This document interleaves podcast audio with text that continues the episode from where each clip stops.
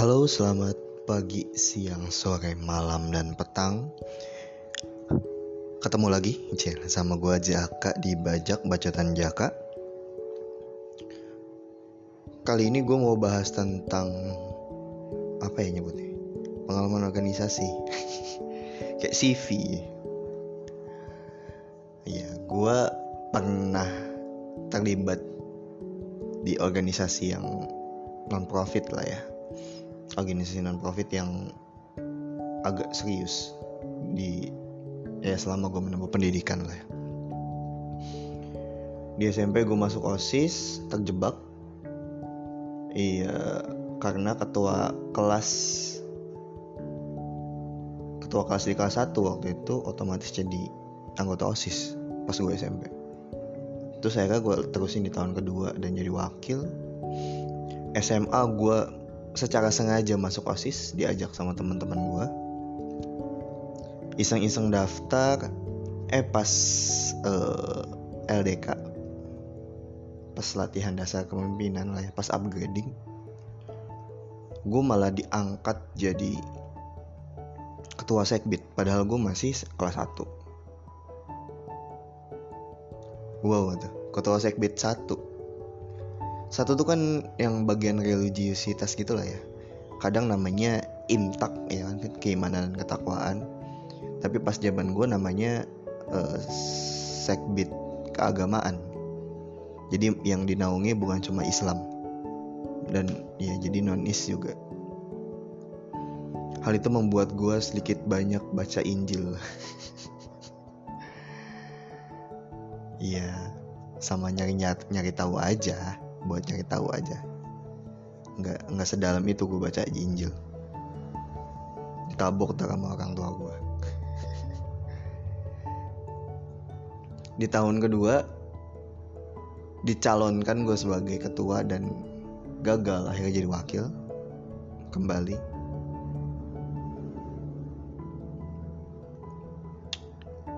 um, ya udah gitu sih kuliah gue lanjut beberapa organisasi ya. Oh iya uh, pas SMA osis angkatan gue cukup apa ya cukup terkenal di kalangan di kalangan guru-guru ya. Walaupun acaranya nggak banyak. Acaranya nggak banyak. Nggak sebanyak angkatan sebelumnya deh gitu. Tapi uh, guru-guru paling paling apa ya paling respect gitu lah katanya respect. Bukan kata yang tepat mungkin ya. Mungkin paling bangga lah. Karena terlihat paling solid. Tapi emang dulu kayak kami membuat yang senior membuat kayak osis tuh kayak di rumah aja. Dan ruang osis tuh kayak kayak kamar lu gitu loh. Lu santai-santai main-main di situ gitu. Um, jadi pada betah jadinya.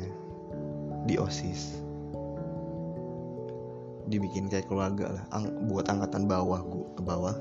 Dan angkatan bawahnya lagi. Angkatan bawahnya lagi tuh masih ngerasain kekeluargaannya sih.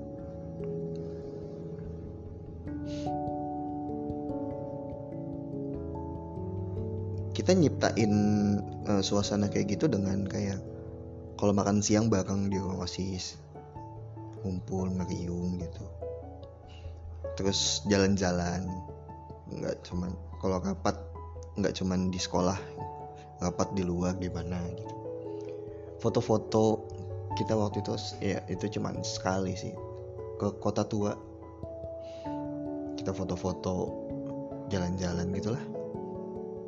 Happy happy ada yang ulang tahun ya dirayain ya gitu. Paling uh, pulang sekolah nggak langsung pulang main dulu sama-sama gitu kalau lagi nggak ada kegiatan. Jadi kayak bukan berasa kerja mereka tuh berasa ngebantuin orang rumah. Karena ngebuat kita ngebuat suasananya itu kayak di rumah gitu. Dan itu iya bebekas lah buat mereka. Grupnya sih masih ada sampai sekarang. Cuman semenjak pandemi jarang kumpul. Tadinya mah kita kumpul setahun dua kali lah. Hmm, bukber sama kalau osis lagi LDK biasa kita diundang buat datang. Jadi ya itu waktunya kumpul lah setidaknya gitu. Semenjak pandemi terakhir ya dua terakhir kapan ya? Lupa gue 2019 kayaknya. Bukber kan? LDK nya nggak sempet kayaknya kayaknya ya lupa. Terus gue lanjut kuliah di kampus. Ya gue ikut beberapa organisasi sih. Cuman yang paling kerasa itu uh, ketika gue ikut padus. Sebenarnya gue nggak punya bakat nyanyi ya suara gue fals. Fals udah fals kecil lagi nggak bisa nada tinggi gue tapi iseng aja ikut. Ikut dan gue merasakan senior senior waktu itu ya membuat suasana yang sama kayak waktu gue waktu gue dan teman-teman membuat suasana di osis gitu. Dibikinnya kayak di rumah. Santai bercanda. Ketemu nggak cuman pas latihan. Ya kan kalau organisasi padus berarti kan ketemunya pas latihan ya ya, sama makan bareng dulu. Latihan kan kita biasanya jam jam 4 kadang gua kuliah cuma sampai jam 12 terus ya udah nongkrong. Di, di kelas tetap di kelas bareng sama anak-anak padusnya juga. Makan bareng nonton kalau enggak. Pakai proyektor ya tinggal pinjem. Proyektornya. Nonton di kelas makan main games main werewolf main uno banyak games lainnya. Lagi di selak latihan pun kalau latihan weekend misalkan ada uh, istirahatnya lumayan lama kan. Zuhur makan siang ngegames bercanda-canda gitu-gitu. Jadi enak bahasa kayak betah gitu. Itu yang senior gue ajarkan dan gue coba lakukan karena gue waktu itu terpilih jadi ketua. Gue masuk 2015 ya kalau nggak salah. Pada 14 akhir gitu. Antara 15 awal atau 14 akhir. Gue jadi ketua di tahun 2016 Februari 2016 dan ya gue mencoba untuk membuat organisasi itu padus itu jadi sama kayak yang senior gue pernah buat atmosfernya atmosfernya. Dibuat menyenangkan. Latihan ya latihan tetap gitu. Lagi istirahat ya senda gurau. Makan bareng. Waktu puasa ya latihan sampai sore ya buka bareng. Gitu sih. Bercanda-canda segala macem. Menghibur. Ya gue kalau gue tipikalnya tipikal badut lah ya jadi ya ya gitu menghibur lah mencoba menghibur.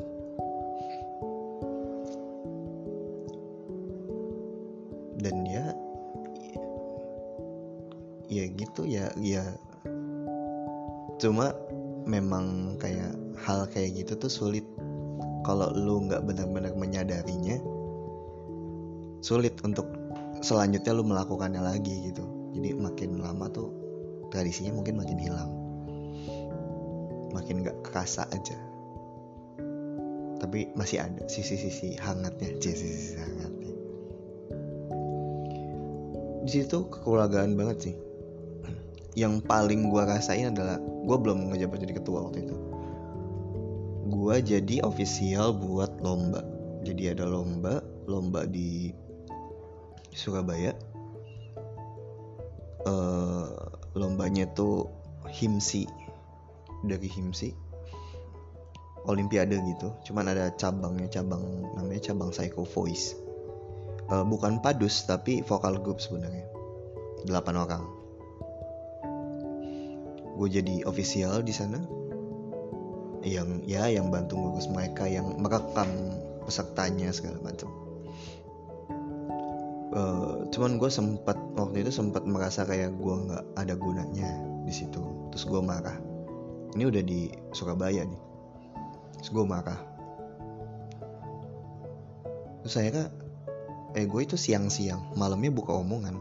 Malamnya kumpul kita di hotel di rooftop hotel karena sepi. Saling terbuka saat itu. Kita omongin lu kenapa? Sebabnya apa? Kenapa? Nangis sampai nangis sampai nangis bareng gitu dan akhirnya lega lega banget. Uh, jadi kayak ketika ada masalah langsung aja gitu. Ketika ada masalah diomongin. Sampai kelar sampai lega semuanya. Biasanya pas event tuh. Ya karena di kepengurusan gue kami ulang. Itu kita pertama kali padusnya itu bikin konser walaupun sifatnya mini konser. Nggak tahu sih. Gue nggak tahu gimana disebutnya mini konser. Karena kalau dari kapasitas penonton yes 90 kali ya. Mungkin 90-an orang atau lebih. Uh, lagu lagu tuh ada 9 atau 10 lagu. Mungkin karena dilakukannya siang-siang. Pagi-pagi ya siang-siang dan gratis. Itu tuh kayak baru mau ya kita belum berani untuk ngasih harga loh untuk nonton kita. Biar biar dikenal aja dulu. Jadi tiketnya gratis. Dan itu di kampus di teater kampus.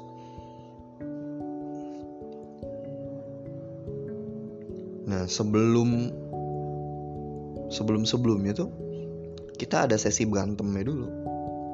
Jadi latihan kita latihannya malam. Karena diimbangin sama latihan regulernya. Jadi latihan konsernya malam. Malam kita di kampus waktu itu masih boleh malam-malam di kampus. Terus uh, gue dengar dengar ada masalah terus saya gue minta ketua panitianya waktu itu untuk ya selesain aja selesain dan diselesaikan dengan nangis-nangis dengan marah-marah dengan bahkan sampai lempar-lemparan sendal. Kalau gue nggak salah ya kalau nggak salah adalah sendal yang melayang deh lupa gue dan itu malam-malam mungkin sekitaran ah, ya jam 10 kayaknya jam 10-an atau jam 11 lah. Lupa gue jam 10-an kayaknya. Nangis kita di depan kampus di parkiran kampus dikeluarin semua keluh kesahnya. Sampai akhirnya lega. Dan ketika eventnya tuh ngerasain banget bahagianya gitu. Dan eventnya alhamdulillah lancar lah. Lancar lah alhamdulillah. Karena di hatinya tuh nggak ada yang ganjel lagi semua. Semuanya udah bebas sudah benar-benar kayak bisa merasakan lagunya gitu loh bahkan di panggung nangis. Gue kan uh, dari dari yang awal awal mulai dari yang lomba itu gue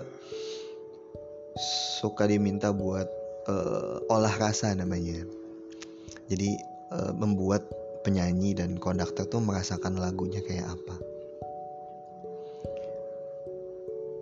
Terus ya itu di ada dua lagu yang emang bikin sedih dan nangis beneran gitu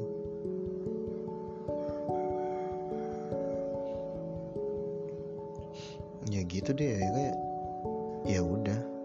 Memang begitulah organisasi. See you bye bye